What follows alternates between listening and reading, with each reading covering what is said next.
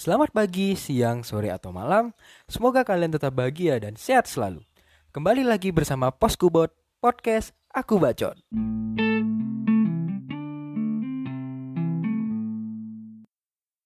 Alright guys, um, sekarang gue lagi ditemenin sama cowok nih. Nah, biar nggak penasaran, mungkin langsung perkenalan aja kali ya.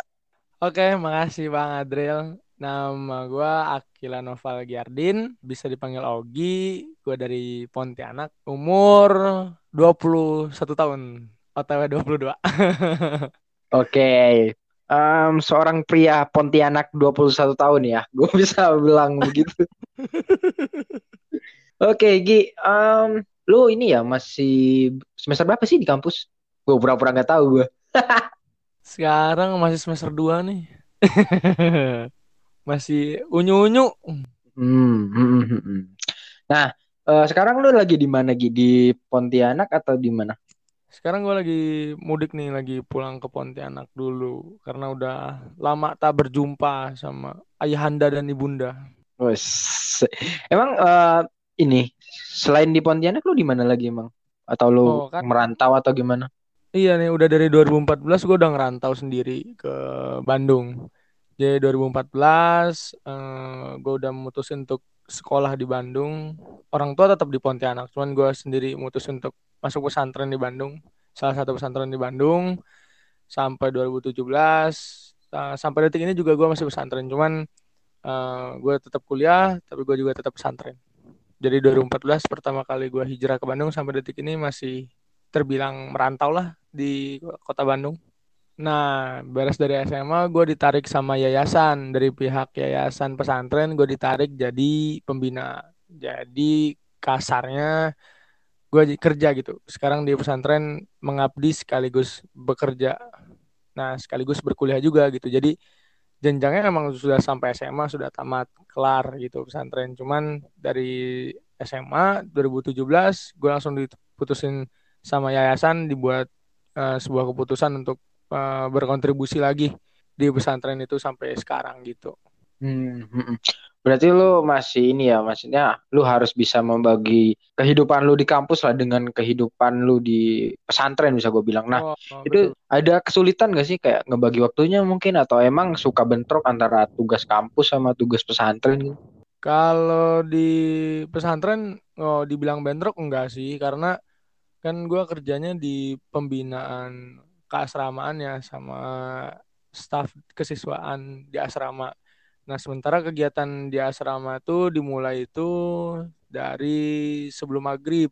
Nah, kan sementara kampus kan kelar ya paling jam 5 udah kelar kan kampus. Jadi setengah 6 atau maghrib gue udah bisa stay lagi di asrama. Nah, baru dari situ mulai kegiatan asrama sampai besok pagi, sampai besok subuh kegiatan asrama dimulai. Makanya kalau dibilang masalah bentrok, kayaknya enggak, enggak akan bentrok masalah asrama, pesantren sama kampus.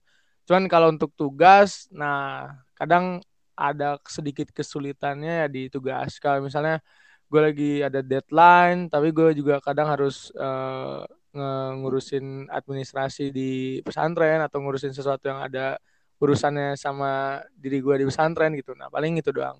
Ya bisa-bisa bagi waktu aja sih kalau kayak gitu.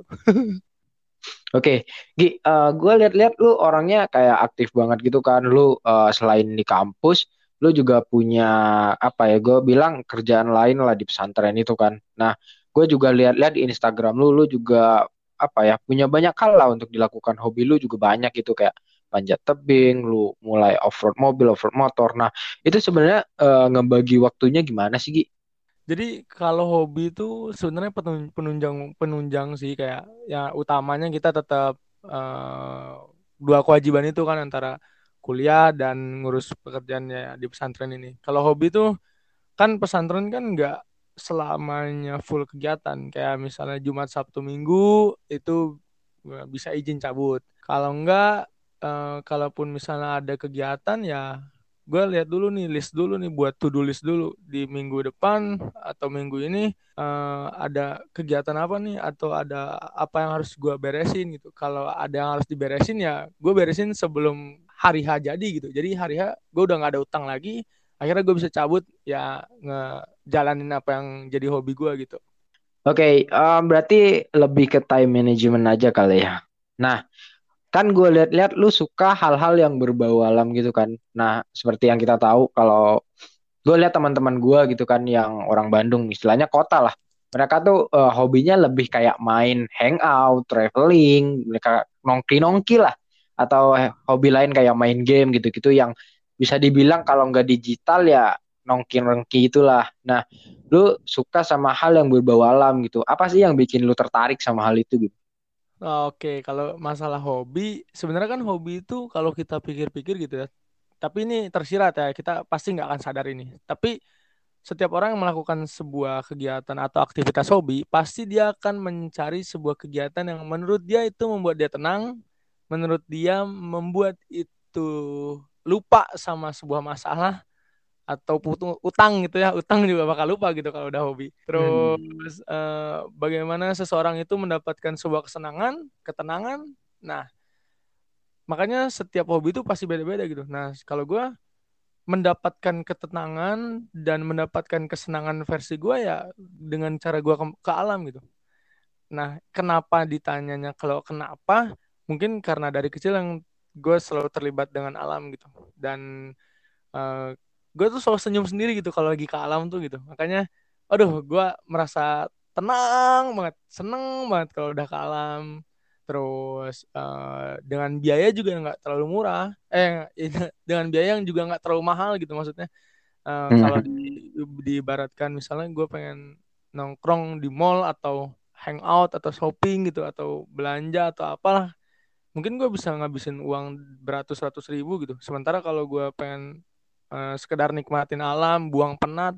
Gue cuman isi bensin delapan puluh ribu atau lima puluh ribu delapan puluh ribu buat mobil lima puluh ribu buat motor. Gue udah dapat kesenangan gue udah dapat ketenangan gue udah dapat semuanya gitu. Semuanya gue udah bisa lupakan dengan masalah.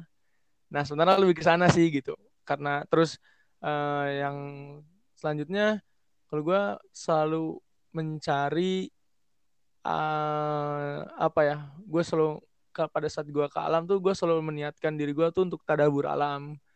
Kayak gue sedang ngeliatin uh, ciptaan Tuhan tuh dari sisi yang lainnya gitu. Makanya gue sering ke alam gitu. Dan yang paling terakhir gue hobi sama yang nantang adrenalin.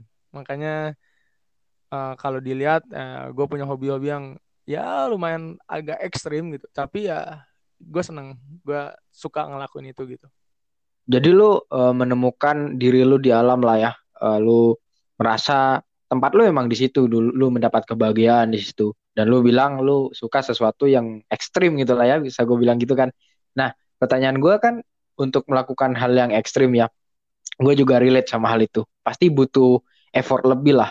Entah itu biaya atau tenaga gitu kan. Karena kalau kita nyobain hal ekstrim itu atau suka hal ekstrim ada banyak faktor yang perlu kita pikirin. Kayak hal ekstrim tuh pasti safety first kan.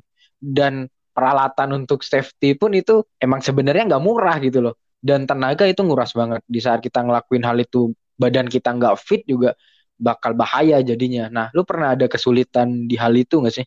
Uh, kesulitan pasti ada ya. Kayak Uh, cuman kalau misalnya diukur dengan uang sampai kapan pun ya nggak akan ada puasnya gitu. Makanya kalau gue sih selalu punya prinsip ya ngumpulin, terus nabung, terus uh, tidak menyusahkan orang lain gitu. Terkadang tuh ada hobi yang kita butuh uang gitu, kita butuh uang ataupun tenaga yang besar, tapi kita tuh kadang rese sama orang lain gitu. Nah itu paling gue paling gak suka tuh. Ada yang kayak gitu gitu. Ya ini hobi lu lu yang butuh gitu. Tapi lu rese ke orang gitu. Nah kalau gue punya prinsip kalau itu jadi kesusahan gue gue nggak boleh rese sama orang gitu. Artinya gue harus bisa cari sendiri gue harus bisa uh, apa namanya uh, saving punya saving money sendiri gitu. Nah pada saat gue ngalamin kesusahan terutama dalam uh, hobi yang ekstrim ya bener sih emang hobi ekstrim tuh mm, pasti memiliki standar yang lebih tinggi gitu. Karena ada safety first kan ada uh, safety master gitu. Bahkan apa namanya keekstriman itu gitu saking berbahayanya suatu hobi itu membuat suatu hobi itu terkadang ada lisensinya ada sertifikasinya sendiri gitu. Kalau kayak diving gue punya sertifikasi diving. Karena gue gue gue hobi ke laut gue suka dengan laut uh, ya udah gue pengen bisa nyelam gitu gue pengen bisa diving ya artinya gue harus bisa sertifikasi dulu baru gue bisa diving. Nah sebenarnya yang mahal tuh di situ gitu. Pada saat kita mau melakukan sertifikasi tapi itu hanya sekali saja. Itu hanya sekali saja itu hanya sekali saja. Jadi mahalnya itu hanya sekali jebret. Mahal sekali untuk bayar sertifikasi habis itu ya kita bisa menikmati diving seluruh dunia. Sampai kapan pun itu nggak ada batasnya. Terus uh, diving kan olahraga kedua terekstrim ya di dunia salah satu uh, dua nomor dua urutan kedua tuh. Yang pertama skydive terjun payung. Nah uh, skydive juga sama punya lisensinya punya sertifikasinya gitu. Pada saat kita mau melakukan hobi skydive ya kita harus lisensi kita harus sertifikasi gitu. Tapi hanya ber hanya satu kali seumur hidup. Kita udah sekali ngeluarin uang ya sampai kapan pun kita kalau mau terjun payung mau skydiving ya kita tinggal loncat. Gitu. Kita nggak usah mikirin lagi uh, sertifikasi dan lisensi kayak gitu gitu nah makanya pada saat gue punya gue tahu nih aduh hobi gue uh, agak ekstrim nih gitu. Nah artinya gue harus bisa nyiapin saving money sendiri gitu.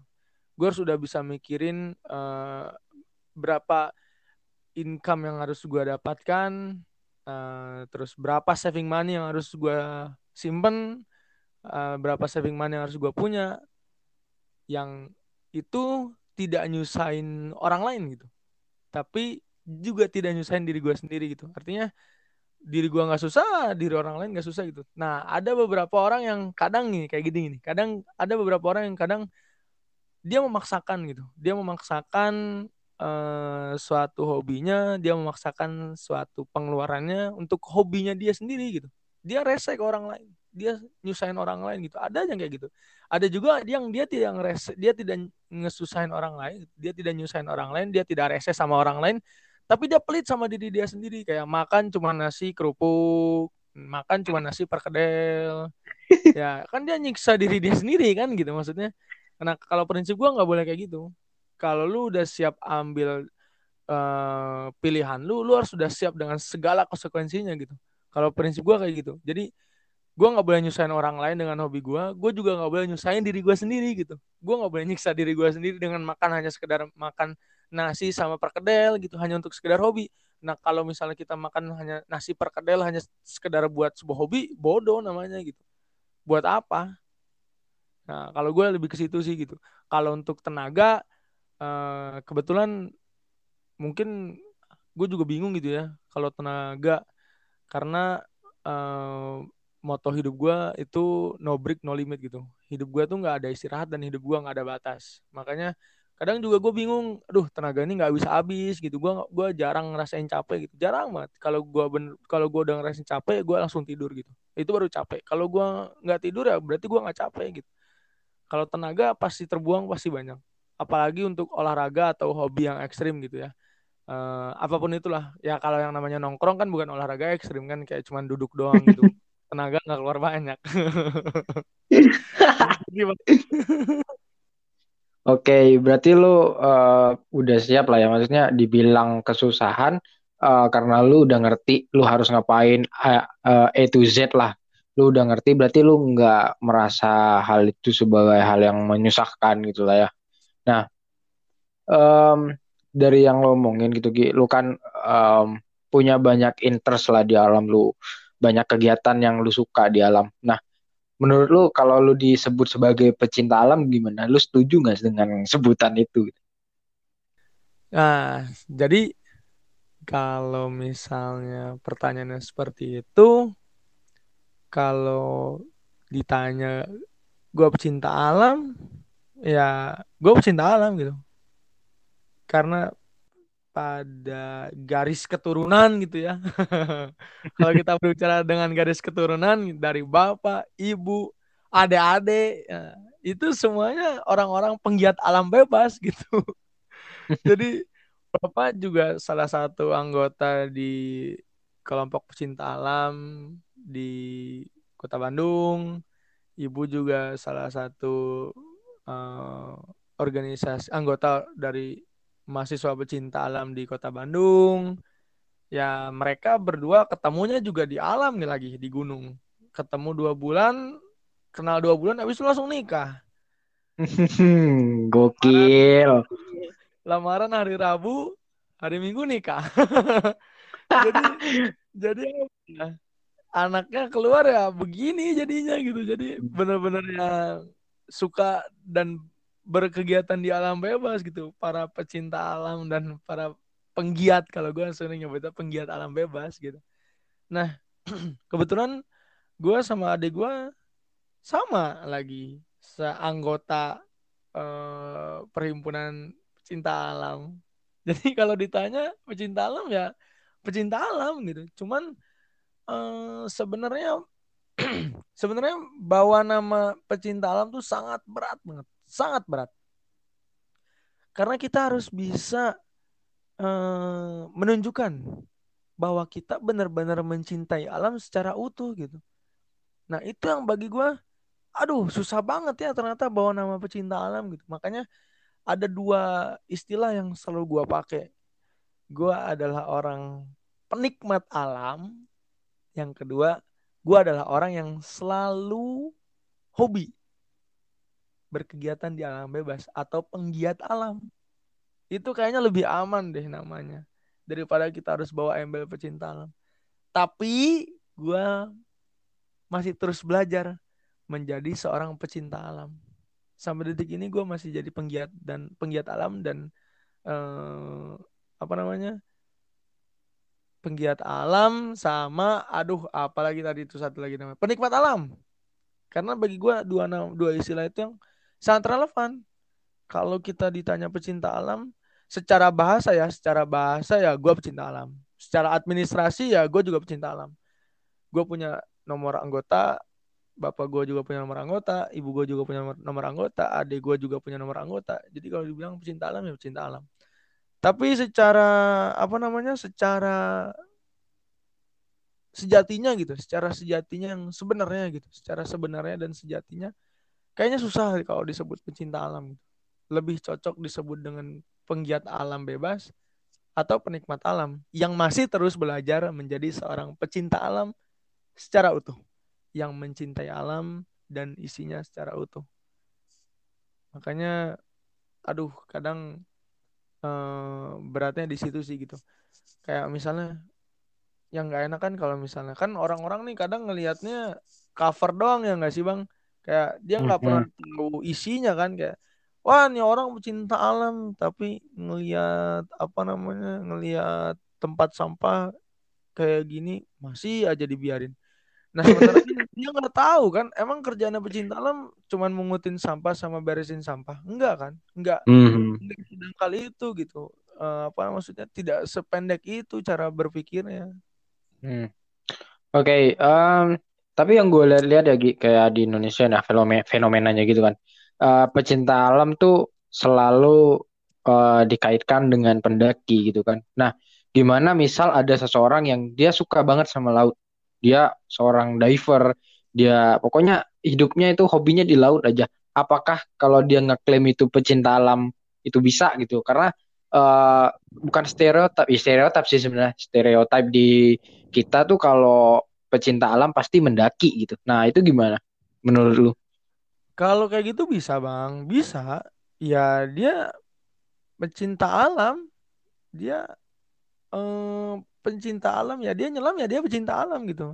Kecuali dia di mall bukan pecinta alam namanya bang. Pecinta mall. Nah tapi di Indonesia itu benar tadi bang. Di Indonesia itu kan serba apa ya di Indonesia tuh serba istilah bang ya serba pakai hmm. istilah gitu nah di Indonesia itu kalau disebut anggota pecinta alam kalau hanya sekedar diving itu nggak bisa kalau disebut anggota pecinta alam. Kalau kita hmm. berbicara tentang anggota, berarti ada wadah yang menaunginya gitu bang. Ada payung yang memayungi dia, yaitu hmm. organisasi hmm. atau perhimpunan atau himpunan. Nah, kalau sekedar uh, apa namanya? Kalau hanya sekedar uh, seorang diver, ya kalau dibilang dia pecinta alam, ya bisa dia suka sama alam kan dia cinta sama alam. Tapi kalau dibilang anggota pecinta alam, oh itu nggak bisa. Karena di Indonesia itu pada saat kita bilang anggota berarti akan merujuk terhadap sebuah organisasi, terhadap sebuah perhimpunan atau himpunan. Nah, dan di Indonesia itu pencinta alam Indonesia itu punya paguyuban atau uh, sangat kompak bang di Indonesia ini pecinta alam. Gabungan pecinta alam Indonesia ini sangat kompak. Bahkan pencinta alam Indonesia memiliki kode etik, kode etik pecinta alam Indonesia sampai segitunya. Itu khusus orang-orang yang beranggota pecinta alam. Gitu sih bang. Oke, okay, uh, eh, tapi gimana Gi? Misal uh, ada seseorang yang pengen jadi pencinta alam tapi dia nggak mau gabung di sebuah wadah atau himpunan gitu lah. Dia ingin jadi pencinta alam lah. Dia ingin ngeklaim dirinya sebagai pencinta alam. Tapi dia nggak mau dan nggak bisa nggak bisa mungkin untuk gabung di sebuah wadah atau organisasi gitu. Itu gimana menurut lu Nah kalau misalnya seseorang mau ngeklaim terhadap dirinya ngeklaim seorang pecinta alam ya boleh-boleh aja nggak ada ngelarang bang. Tapi kalau mau diakui gitu kalau mau mendapat pengakuan sesama anggota pecinta alam mau dapat pengakuan dia adalah anggota pecinta alam rasanya susah bang.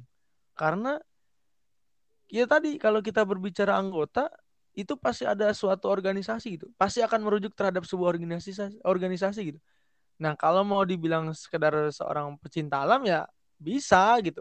Tapi kalau dibilang anggota pecinta alam kayaknya susah, susah, susah banget.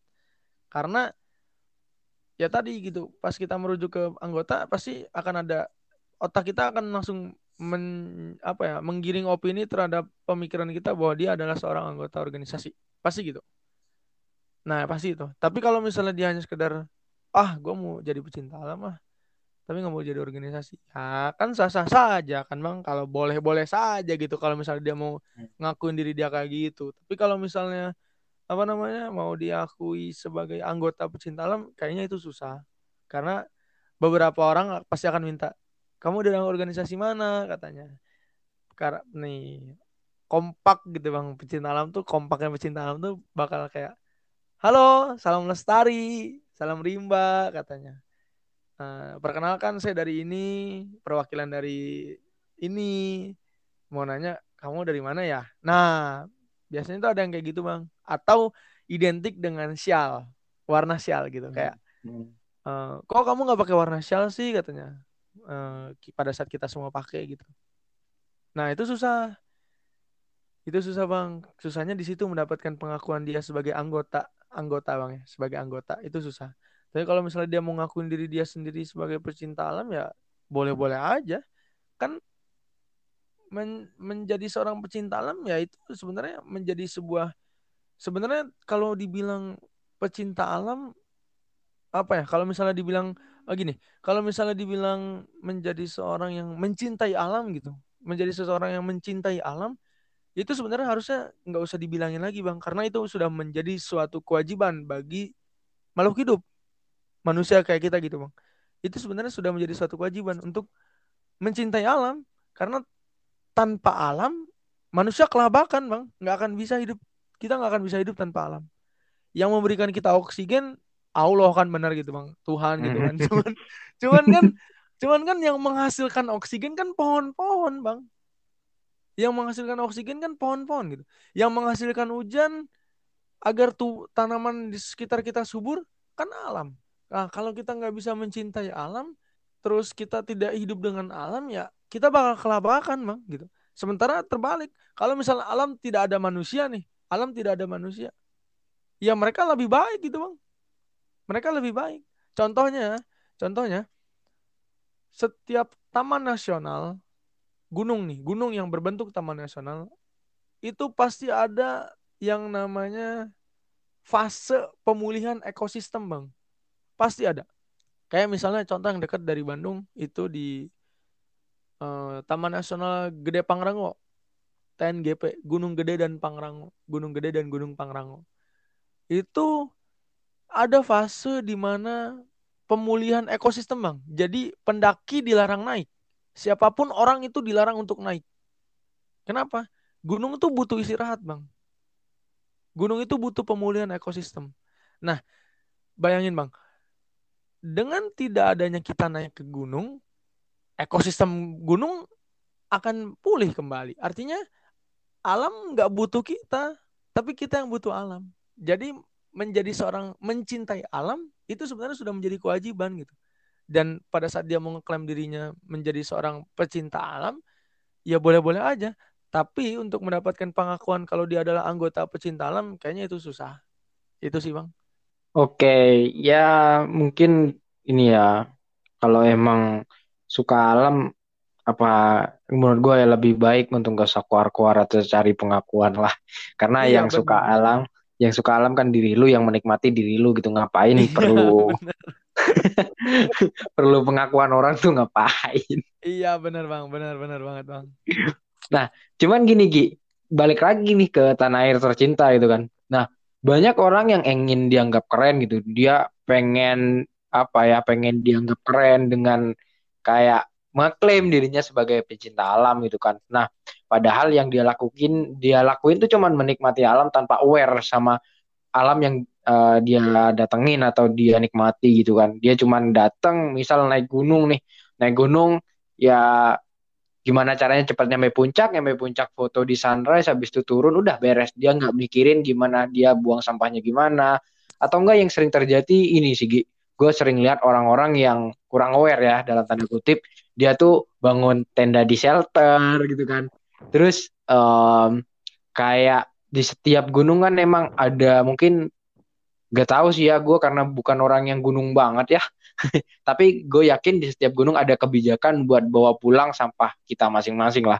Nah, oh itu pasti tapi, bang, pasti ada itu. Uh, nah, jadi um, gimana sih uh, dari sudut pandang lu ya sebagai seseorang seorang pencinta alam yang secara administratif juga tergabung dalam uh, sebuah himpunan atau sebuah organisasi melihat fenomena tersebut gitu. Apalagi kan uh, setelah film 5 cm kan. Jadi oh, mendaki itu benar banget. Uh, mendaki itu udah langsung jadi hal yang keren banget gitu. Banyak orang berbondong-bondong untuk kayak mendaki gunung biar keren gitu. Nah, menurut lu dari perspektif orang yang seperti itu gimana gitu?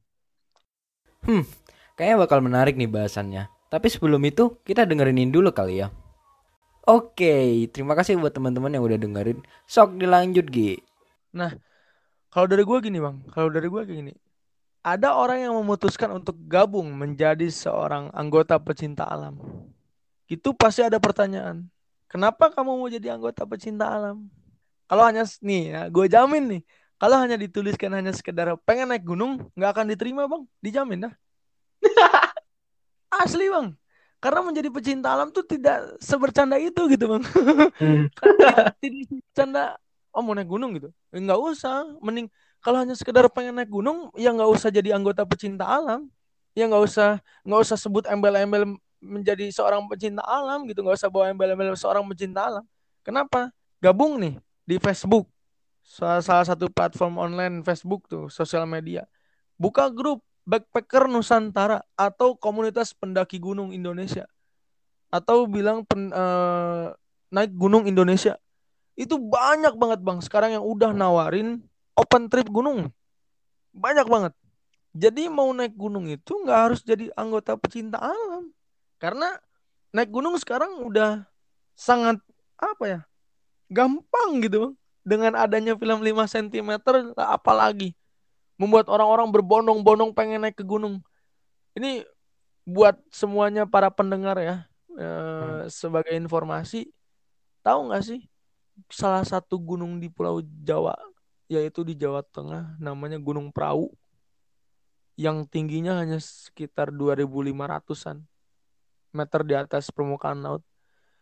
Itu setiap tahunnya, setiap tahunnya, apalagi ada event besar sebelum ada corona, itu bisa 5000 sampai 10000 pendaki Bang yang ada di atas.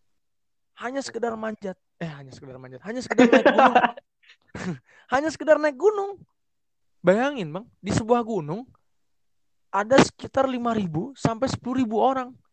Sumbernya dari mana? Sumbernya valid, Bang. Sumbernya valid nih. Gue dapat informasi dari orang-orang gunung. Pada saat gue mau naik ke Gunung Sumbing, Gunung Sindoro. Karena Sumbing dan Sindoro itu dekatan sama Gunung Prau. yaitu di Jawa Tengah, daerah Wonosobo. Cuman Gunung Perahu daerah Dieng. Kalau Sumbing sama Sindoro itu ada di Wonosobo. Nah, pada saat gue mau naik, gue selalu nanya, Sumbing Sindoro aja, kalau lagi waktu weekend atau tanggal merah, itu bisa seribu sampai tiga ribu orang di atas. Habis itu dia nyeletuk, apalagi perahu katanya. Yang Hmm. lapangan campnya segede lapangan bola katanya. Dan bukan hanya satu. Itu bisa lima ribu sampai sepuluh ribu orang bang pendaki ada di atas. Nah itu semenjak fenomena adanya film 5 cm ya menurut gua bagus sih bang. Maksudnya mengenalkan gunung gitu bang ya. Hmm. tapi itu yang membuat berbondong-bondong. Kalau gua ngelihatnya jadi kayak uh, kalau gua ngelihatnya memang setelah ada film itu jadi langsung orang-orang tuh kayak "Oh, udah naik gunung naik gunung naik gunung naik gunung naik gunung lah gitu.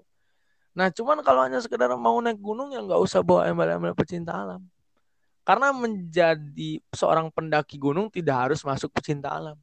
Nah kan tadi gua bilang kalau misalnya mau daftar pencinta alam nih mau daftar jadi anggota pecinta alam secara administrasi resmi terus ditanya kenapa kamu mau jadi anggota pencinta, alam? Terus kita tulis mau naik gunung dijamin gak keterima kawan.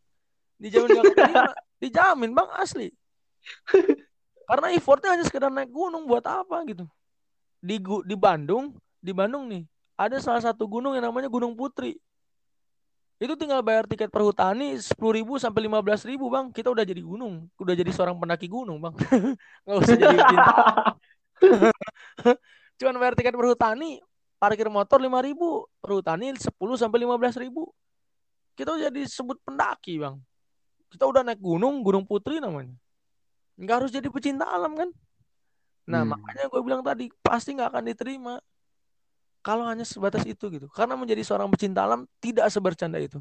Kita membawa membawa apa ya membawa eh, tanggung jawab moral yang sangat besar tanggung jawab sosial yang sangat besar yaitu mencintai alam secara utuh.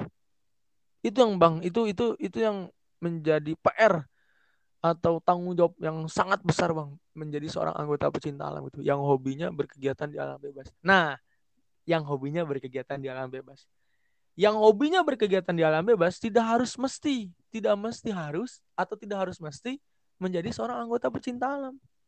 Gitu bang. Karena memang tidak sebercanda itu gitu. Nah kalau ditanya apa yang membedakan pendaki seorang pendaki yang tergabung menjadi anggota pecinta alam dan tidak tergabung menjadi anggota pecinta alam? Yang membedakan adalah satu ilmu bang. Itu doang. Kan Hmm. orang sekarang naik gunung tahunya cuman wah ketawa happy ya nggak? Cuman gitu doang kan bang? Ya gitulah. tapi kan orang-orang nggak tahu bang. Misalnya terjadi sesuatu di gunung emergency har- harus apa yang dilakukan? Emergency step emergency step apa yang harus dilakukan? First aid atau apa? Itu apa yang harus dilakukan? Kan kadang orang nggak tahu gitu. Orang-orang sekarang naik gunung kan kayak hanya sekedar hahaha hihi hahaha hihi hahaha aduh capek euy wah selfie upload Instagram orang-orang tuh hanya sebatas itu gitu bang. Nah tapi orang-orang nggak pernah bayangin bang. Gue pernah ngalamin bang. Badai dari jam 3 sore sampai jam 12 malam. Masih badai bang. Petir hujan petir. Di Gunung Sumbing. Anjir.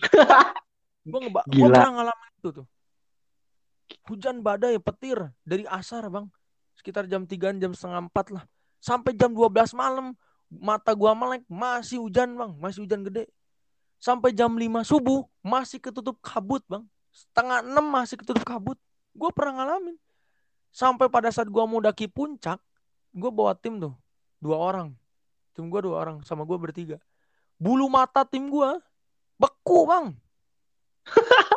Hmm, bayangin bulu mata nggak bisa ngedip, nggak bisa nggak bisa ngedip dia, beku bulu matanya.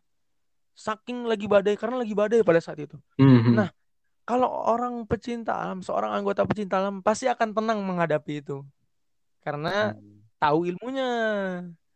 Tahu apa yang harus dilakukan. Step-stepnya dia tahu. Kenapa sekarang banyak eh, orang-orang yang mohon maaf Bang ya, Hmm.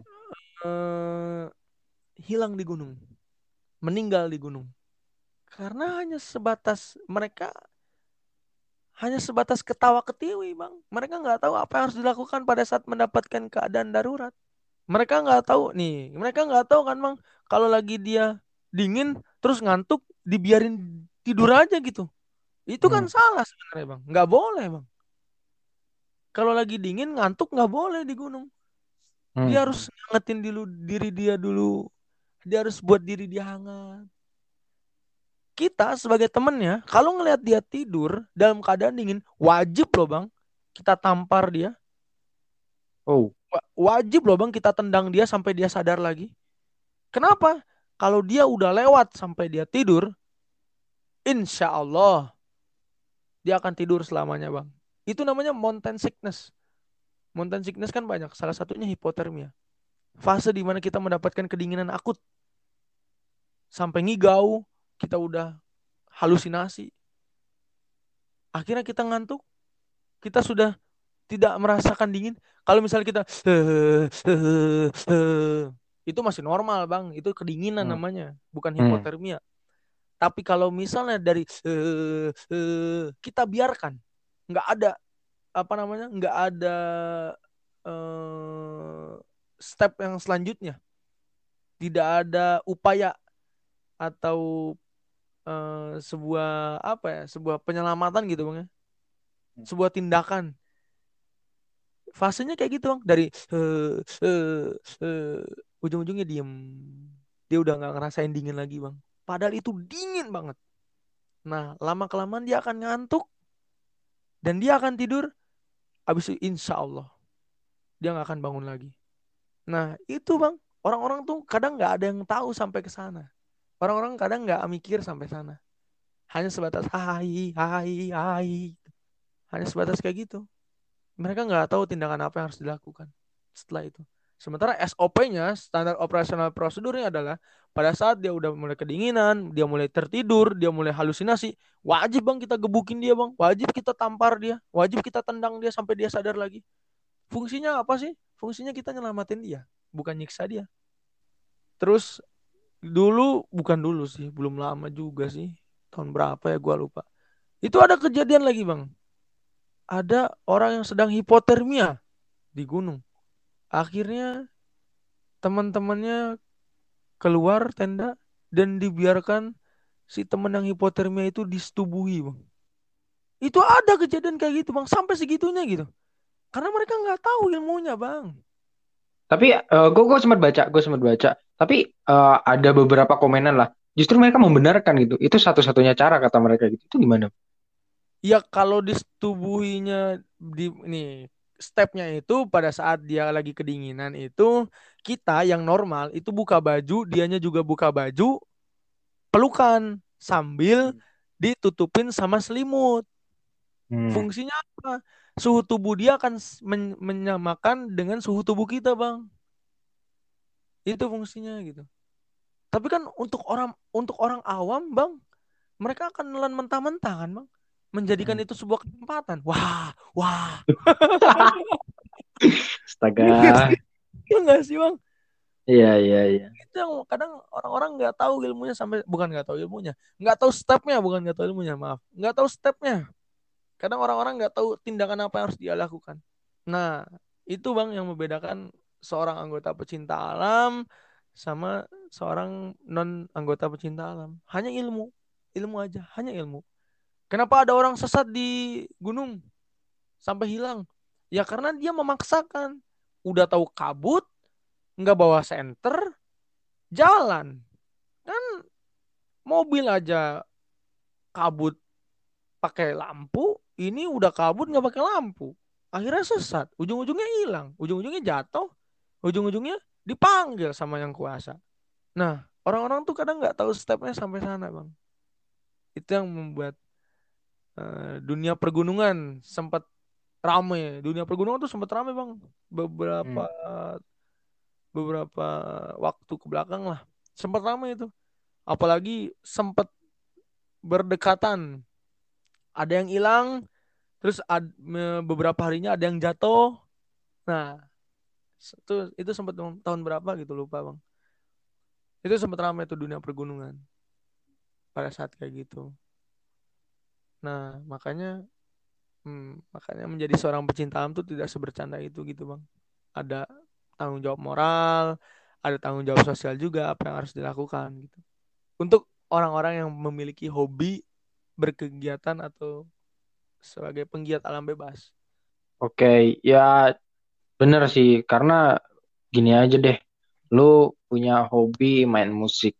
Main musik itu ada ada step by stepnya. Lu nggak bisa langsung apa belajar main musik tapi lu nggak ikutin stepnya dari awal nggak bisa. Pasti ada ilmu-ilmunya. Itu pun uh, gua rasa bakal apa ya lebih complicated lagi kalau lu udah ke alam apalagi itu udah apa ya udah dikategorin sama ekstrim lah kegiatan Iya, ekstrim bener banget, Bang. Hmm.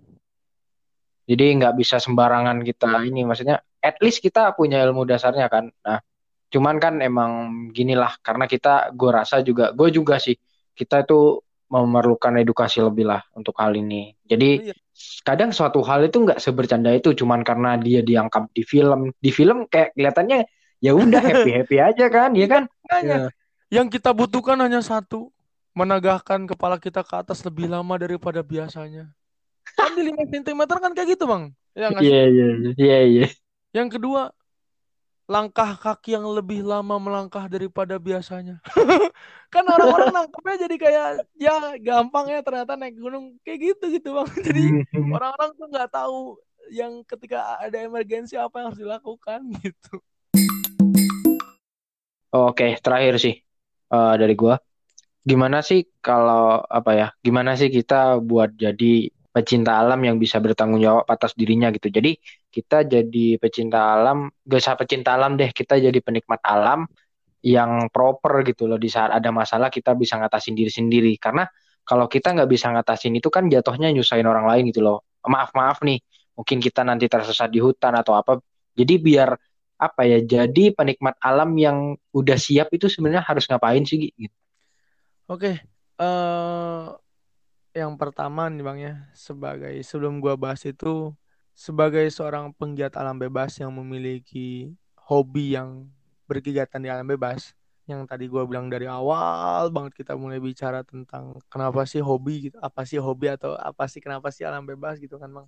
Hmm. Sebuah hobi kan berbicara tentang kesenangan emang ya, sebuah pilihan, sebuah cara mencari kesenangan, mencari ketenangan, kedamaian untuk melupakan beberapa masalah yang ada dalam hidup seseorang itu kan gitu. Melupakan sejenak lah atau rehat sejenak dari kehidupan eh, sehari-hari gitu. Berarti kan hobi kan ex extend kan Bang jatuhnya gitu.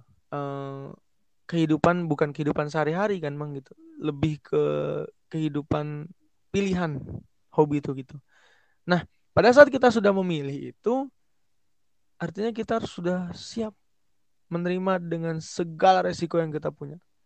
Entah itu yang tadi dari awal uang, entah itu tadi dari awal tenaga, entah itu dari awal tadi persiapan, mental, mental tuh wajib ada. Karena mental itu wajib bagus. Nah, ini juga menjadi salah satu catatan penting, Bang. Mental itu wajib bagus dan sehat pada saat kita mau berkegiatan di alam bebas. Kan nggak lucu kan bang kalau misalnya mental kita lagi nggak sehat, kita berkegiatan di alam bebas. Kenapa nggak lucu? Nanti energi energi kita akan rendah bang. Energi kita akan sama dengan energi yang ada di alam.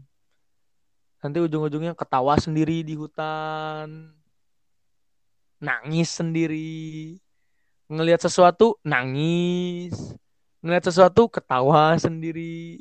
Nah kan temennya yang ngelihat dia kan jadi ketakutan sendiri kan bang gitu. Itu yang makanya diperlukan mental yang sehat atau mental yang kuat pada saat kita mau berkegiatan di alam bebas. Nah, yang paling penting apa bang? Pada saat kita sudah memilih untuk berkegiatan atau menjadi seorang penggiat alam bebas atau menjadi seorang penikmat alam atau pecinta alam, kita harus siap dengan resiko yang segala resiko yang kita punya. Pada saat kita sudah siap menerima segala resiko yang kita punya, akhirnya kita akan menyiapkan segala sesuatunya dengan sangat matang dengan sangat bijak dan sangat baik. Berkegiatan di alam bebas itu tidak sebercanda yang kita kira, Bang. Penuh dengan resiko. Makanya kalau kita berani, gas, jangan ragu. Tapi pada saat kita ragu terhadap sesuatu, terutama pada saat kita berkegiatan atau menjadi seorang penggiat alam bebas, lebih baik kita cancel daripada kita ragu. Karena keraguan itu yang akan menjadi titik masalah pertama, Bang. Pada saat kita melakukan kegiatan alam bebas atau berkegiatan atau menjadi seorang penggiat alam bebas. Nah, itu yang pertama. Pertama-tama itu meluruskan dulu uh, filosofinya atau niatnya. Apa sih itu hobi atau uh, apa sih seorang penggiat alam bebas? Nah, itu yang pertama. Pada saat kita itu sudah lurus, itu sudah linear dengan yang apa yang kita yang apa yang kita apa namanya apa yang kita lakukan baru kita masuk ke step selanjutnya. Mempersiapkan. Mempersiapkan bang. Gitu. Nah sebelum mempersiapkan kan otomatis kita punya tujuan kan. Apa sih tujuan kita untuk berkegiatan di alam bebas atau menjadi seorang penggiat alam bebas? Nah kalau Ogi kalau gue salah satunya adalah eh, gue menikmati ciptaan Tuhan dari sisi yang lain. Gitu bang. Nah um, pada saat kita sudah menemukan tujuan kan kita masuk ke step selanjutnya yang tadi mempersiapkan. Nah caranya adalah kita mengumpulkan informasi sebanyak banyak banyak banyaknya sebanyak banyaknya dan menjadikan sejarah menjadi media pembelajaran kita, Bang. Jangan pengalaman. Kalau kita menjadikan pengalaman menjadi sebuah pelajaran yang berharga buat kita, itu bahaya, Bang. Bahaya banget. Kenapa bahaya? Karena kita akan mengalaminya lagi. Kan pengalaman. Tapi kalau yang sudah terjadi tidak akan dialami kita lagi, itu kan namanya sejarah, Bang, bukan pengalaman. Makanya sebaik-baiknya pelajaran adalah sejarah, bukan pengalaman, Bang. Pada saat kita berkegiatan di alam bebas. Sejarahnya Ogi, sejarahnya Ogi, sejarahnya gua nih. Pada saat gua bawa tim, ada salah satu satu tim satu orang di dalam tim gua yang dia telat. Gua gedek banget sama dia. Dia telat. Tapi gua kasihan sama dia. Akhirnya gua tungguin dia. Akhirnya bisa keburu penuh. Akhirnya gue tidur di terminal, Bang. Anjir lah. Gue tidur di terminal. Gue tidur di terminal. Dari sore sampai besok subuh. Lu bayangin bang. Gara-gara satu orang. Salah. Harusnya gue tinggal. Kalau kayak gitu. Jangan ditungguin. Karena ya kita nyusahin. Dia nyusahin beberapa orang rekan yang lain yang lebih banyak daripada dia gitu. Tapi walau tapi kan kita punya masih punya rasa kemanusiaan gitu. Nah, harusnya kan ditinggal, tapi kan karena kita masih memiliki rasa kemanusiaan, akhirnya kita tungguin dia. Nah, hal itu cukup kita jadikan sebuah sejarah. Jangan dijadikan sebuah pengalaman. Kenapa? Karena kita jadikan itu menjadi sebuah pengalaman, nanti kita akan ngalamin lagi suatu saat. Kita nggak akan pernah belajar dari pengalaman. Tapi jadikan itu sebuah sejarah. Akhirnya kita belajar, mempersiapkannya semuanya dengan matang. Kita mengumpulkan informasi dengan matang. Oke, kalau kita mau naik ke Gunung uh, Sumbing, itu berada di Wonosobo. Bandung Wonosobo bisnya itu ada jam 3 sore, jam 4 sore, jam 5 sore paling sore. Oke. Akhirnya kita kan mikir, kalau misalnya kita pakai bis yang paling terakhir jam 5 sore, jam berapa kita harus ada di terminal Cicahem Bandung? Nah, kita kumpulin semuanya data. Jangankan naik gunung. Kita mau off-road motor, kita sampai tujuan, oke target kita pertama adalah Sukawana, hutan Sukawana, masuk hutan Kunti atau Leweng Kunti, keluar Cikole. Itu perkiraan jarak sekitar sekian lah, gue lupa. Terus dengan waktu tempuh sekitar dua jaman kalau pakai mobil, ya paling motor hmm. satu jam setengah lah. Hmm. Kalau misalnya kita tujuan kita adalah buka puasa di hutan, buka puasa di Cikole, buka puasa setengah enam, Berarti kan kita harus tahu nih bang, kita berangkat jam berapa. Kita harus cari informasi dulu kan. Kita harus ngumpulin informasi sebanyak-banyaknya. Itu kita mau off-road motor atau off-road mobil. Atau misalnya kita mau diving. Kita mau diving di Maluku. Kita mau diving di Morotai. Kita mau diving di Morotai ini misalnya. Atau di Labuan Bajo. Kita diving jam sekian. Sementara pada saat kita menuju sana, kan kita pakai pesawat dari pesawat turun kita kan nggak mungkin langsung nyemplung ke laut. Kita perlu adaptasi dulu sama cuaca sekitar, sama keadaan sekitar, biar kita nggak kaget. Nah, itu kan perlu dipelajari. Itu perlu di itu memerlukan persiapan dengan matang. Kita kumpulin informasi. Oke, kalau kita nyemplung jam sekian, kita harus nyampe jam sekian jam berapa? Kalau kita mau diving jam sekian, kita harus nyampe sekitar jam berapa? Nyampe sekitarnya jam berapa? Nah, akhirnya kita kan kumpulin informasi. Pesawat ada jam berapa aja ke sana. Nah, hal yang pertama adalah mengumpulkan informasi atau data sebanyak-banyaknya. Entah itu data transportasi, entah itu data pada saat kita mau ke sana, entah itu data bagaimana cara kita mau ke sana, ataupun data alat-alat apa saja yang kita perlukan. Gue mau naik gunung nih, kira-kira alat-alat apa aja yang diperlukan gitu. Yang kedua, gue mau diving, kira-kira gearnya atau alat-alatnya apa aja yang diperlukan. Gue mau mobil, mau mobil atau motor, alat-alatnya apa aja sih yang diperlukan. Biar kita nggak nyusahin orang. Alat-alatnya apa aja. Ya kalau kita misalnya naik gunung, kita nggak bawa tas, kita udah tuh mau naik gunung, nggak bawa tas. Bawa kantong kresek. Robek kantong kresek ya nyangkut ke akar. Nyusahin orang lagi. Udah nyampe atas, bajunya jatuh, ngegulung lagi ke bawah bajunya. Nyusahin orang. Nah jangan kayak gitu. Makanya kita harus perlu nih mempersiapkannya dengan matang. Nah, diving juga sama. Nyelam, eh nyelam. Uh, off-road juga sama. Motor atau mobil. Kalau misalnya kita tuh udah tahu karbunya sering banjir, bawa obeng lah. Obeng minus kita bisa buang bensinnya beli banyak. Kalau kita nggak bawa obeng teman udah di depan ujungnya kita klakson. Tidit tidit tidit tidit tidit tidit. Teman balik lagi ngeng. Nah, kan itu kan jadi nyusahin orang juga gitu kadang.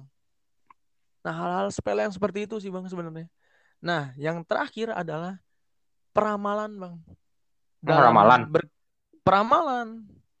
Dalam berkegiatan di alam bebas tuh kita harus jago dalam meramalkan bang. Itu wajib. Hmm. wajib tuh bang. Kenapa sih harus wajib meramalkan atau wajib menjadi seorang peramal pada saat kita berkegiatan atau menjadi seorang penggiat alam bebas? Agar kita tahu resiko resiko yang akan terjadi bang. Apa aja sih yang diramalkan? Oke gua mau naik gunung nih sekarang cuaca cerah nih tapi gua ramal nih nyampe sana cuaca hujan ujung-ujungnya apa bang? Kita bawa persiapan kan jas hujan, bawa run cover, bawa kita kita memiliki sebuah peramalan yang cuacanya kira-kira buruk nih. Akhirnya kita cari kondisi yang terburuk. Pada saat kita berkegiatan di alam bebas, pada saat kita menjadi seorang penggiat alam bebas, menjadi seorang pecinta alam, kita harus meramalkan atau kita harus menempatkan posisi kita di kondisi yang paling buruk. Hujan, badai, hipotermia, kedinginan, kepanasan, bensin habis, mogok, karbu banjir. Kalau di selam, regulator bocor, uh, o-ring tabung bocor, modfish ngaco, terus tabung cuman setengah doang bisa ngisinya nggak bisa full sampai 3000 PSI. Nah, akhirnya pada saat kita sudah menentukan kita menjadi uh, ada atau berada di titik yang paling buruk, kita meramalkan kita ada di titik yang paling buruk, akhirnya kita akan membuat sebuah skenario, Bang. Apa yang harus kita lakukan? Ujung-ujungnya apa? Ujung-ujungnya kita akan belajar. Kalau karbu banjir, kita harus ngapain? Kita belajar kalau mau naik gunung, kedinginan, hipotermia, harus ngapain sih? Kita belajar. Apa sih yang harus dilakukan? Kita belajar. Kalau misalnya diving, kalau o-ringnya bocor, kita harus apa sih? Oh, ternyata kita harus bawa o-ring cadangan. Artinya kita artinya kita belajar. Nah, step yang paling terakhir, yang terakhir banget adalah melaksanakan segala skenario yang sudah kita punya, Bang. Jadi bukan hanya sebuah bukan hanya sekedar skenario. Oh, nanti kita ramalin nanti oringnya bocor. Jadi kita harus bawa oring. Kita belanja aja oring ke toko tabung selam. Habis oringnya taruh di rumah nggak kita bawa. Kan sama aja kan. Kita udah tahu nih. Oh, karbunya bocor nih. Karbunya banjir terus nih. Kita belajar nih, Bang. Kita belajar benerin karbu. Belajar, belajar, belajar bisa. Habis itu besoknya kita mau offroad, obeng yang nggak dibawa. kan aja gitu bang, nggak ada gunanya. Nah step yang terakhir adalah melaksanakan segala skenario nya bang. Kita udah tahu nih hipotermia, kita harus bawa baju hangat, kita harus bawa jaket tebal, kita harus bawa kompor untuk menghangatkan air biar kita bisa minum air hangat. Kita bawa susu jahe, kita bawa nutrisari hangat. Nah, kalau misalnya pelaksanaannya kita udah tahu nih, tapi pas pelaksanaannya kita nggak bawa kompor. Jangankan buat ngangetin air, buat makan aja repot. Masa kita mau pesen nasi padang atau goput ke gunung ke puncak? Nggak mungkin kan? Nggak mungkin kan gitu. Artinya skenario yang sudah kita susun ya kita harus laksanakan skenario itu dengan sebaik dan sebijak mungkin. Sama pun kayak di diving. Kalau misalnya kita diving yang tadi gue bilang kita butuh o-ring nih ternyata eh, masalahnya step-step sebelum melaksanakan adalah menyusun skenario atau menjadi seorang peramal. Oh, kondisi terburuknya kondisi terburuknya adalah o-ring bocor. Oh, kita udah belajar nih. Oh, tahu kok caranya adalah bawa o-ring, bawa o-ring cadangan. Ah, habis itu kita beli o-ringnya ke toko tabung selam. Habis itu kita tinggal di rumah. Pas di Labuan Bajo, o-ringnya ke bawah. Kan sama aja. Pelaksanaannya kan nggak ada. Pas kita mau main off-road motor atau mobil, kita udah tahu nih karbu motor nih sering berebet. Busi juga sering banjir nih. Oke, berarti kita belajar bawa busi cadangan, bawa kunci busi, sama bawa obeng buat buang bensin. Nanti udah buang bensin, kencengin lagi, habis itu kocorin lagi bensinnya biar nggak banjir. Nah, tapi pas pelaksanaannya, obeng nggak dibawa. Emang bisa muter baut apa eh skrup karbu pakai kuku? Kan nggak bisa bang pakai kuku kita muter. Patah kuku. Kan obeng dibawa. Kan pelaksanaannya nggak sesuai dengan skenario kita yang, yang sudah kita susun gitu. Nah itu step terakhir adalah pelaksanaan. Itu sangat penting. Step-step tadi yang membuat kita menjadi seorang penggiat alam bebas atau menjadi seorang pecinta alam yang bukan menjadi seorang anggota pecinta alam membuat kita akan ya gue bisa jamin lah gue bisa pastiin. Itu sudah step yang paling benar dan paling aman untuk pemula sekalipun. Jadi nggak ada yang miss kalau step-step tadi bisa dilakukan. Kira-kira itu sih bang. Oke, ya dari semua yang kita omongin lah kayak ya emang kadang ya sesuatu hal yang terlihat seru dan have fun dan keren itu ternyata nggak sebecanda itu gitu loh. Kita butuh banyak persiapan, kita butuh belajar lagi lah, belajar entah itu belajar teorinya seperti apa, prakteknya seperti apa dan mungkin ya buat teman-teman yang dengar ini yang lagi memulai buat eh, menjadi penggiat alam lah gue bisa bilang begitu ya mungkin yakinin aja dulu diri lo dan kalau lo udah yakin diri lo di situ lo pelajarin apa apa aja yang menyangkut hal itu entah entar teori safety-nya seperti apa terus yang hal proper yang harus dilakuin ntar di lokasi gimana mungkin itu akan membantu lo sih nah menurut lo gimana Gi? Oke, kalau dari gua yang terakhir adalah pada saat lu sudah menentukan atau menentukan sebuah hobi atau menentukan sebuah arah, lu akan melaksanakan hobi lu ke mana. Satu, pelajari itu dengan sebaik mungkin. Dua, pada saat lu sudah mendapatkan kejadian yang tidak enak, jadikan itu menjadi sebuah sejarah agar lu bisa belajar dari itu dan lu nggak akan ngalamin itu lagi. Jangan jadiin itu pengalaman. Kalau jadikan itu pengalaman, lu belajar dari pengalaman, lu akan ngalamin lagi nanti kemudian hari. Yang ketiga, kalau lu udah pilih suatu hobi itu, tekuni dengan sebaik-baiknya. Jangan gampang bosan.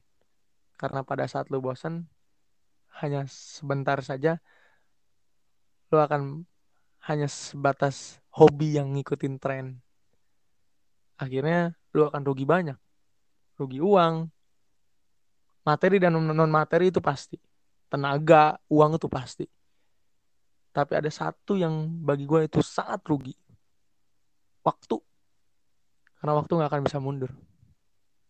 Yang terakhir, pada saat lu udah menentukan arah hobi lu ke mana, terutama ke alam bebas, lu harus sudah siap nerima dengan segala resiko yang dipunya. Karena dalam hidup itu ada sebab dan ada akibat. Dari gue cukup.